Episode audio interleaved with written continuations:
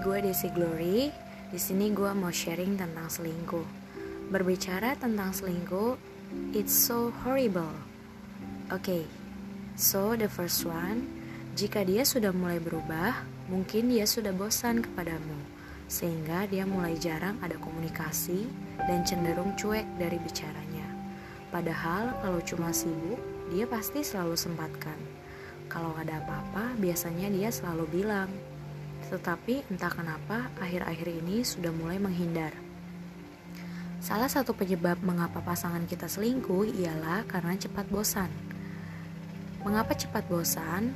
Penyebab cepat bosan dia kepadamu yaitu karena dia hanya mencintaimu dengan cara nafsunya saja, bukan atas dasar cinta dari hati, tetapi sekedar rasa senang dari mata dan pikiran, bukan atas dasar perasaan yang tulus dan murni namun sekedar suka dan hasrat yang mengelabuinya.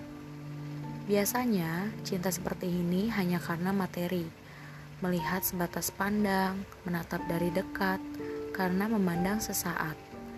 Penyebab dia cepat bosan yaitu karena dia menyayangi kamu bukan dari hatinya, tetapi bisa jadi melainkan karena materi, karena kamu cantik sesaat di matanya. Sehingga saat ada yang lebih baik dan lebih apik darimu, dia merasa kamu sudah membosankan dan mencari orang lain lagi. Sehingga dia berkhianat dari janji manisnya yang telah dia berikan di awal hubungan kalian jadian dulu.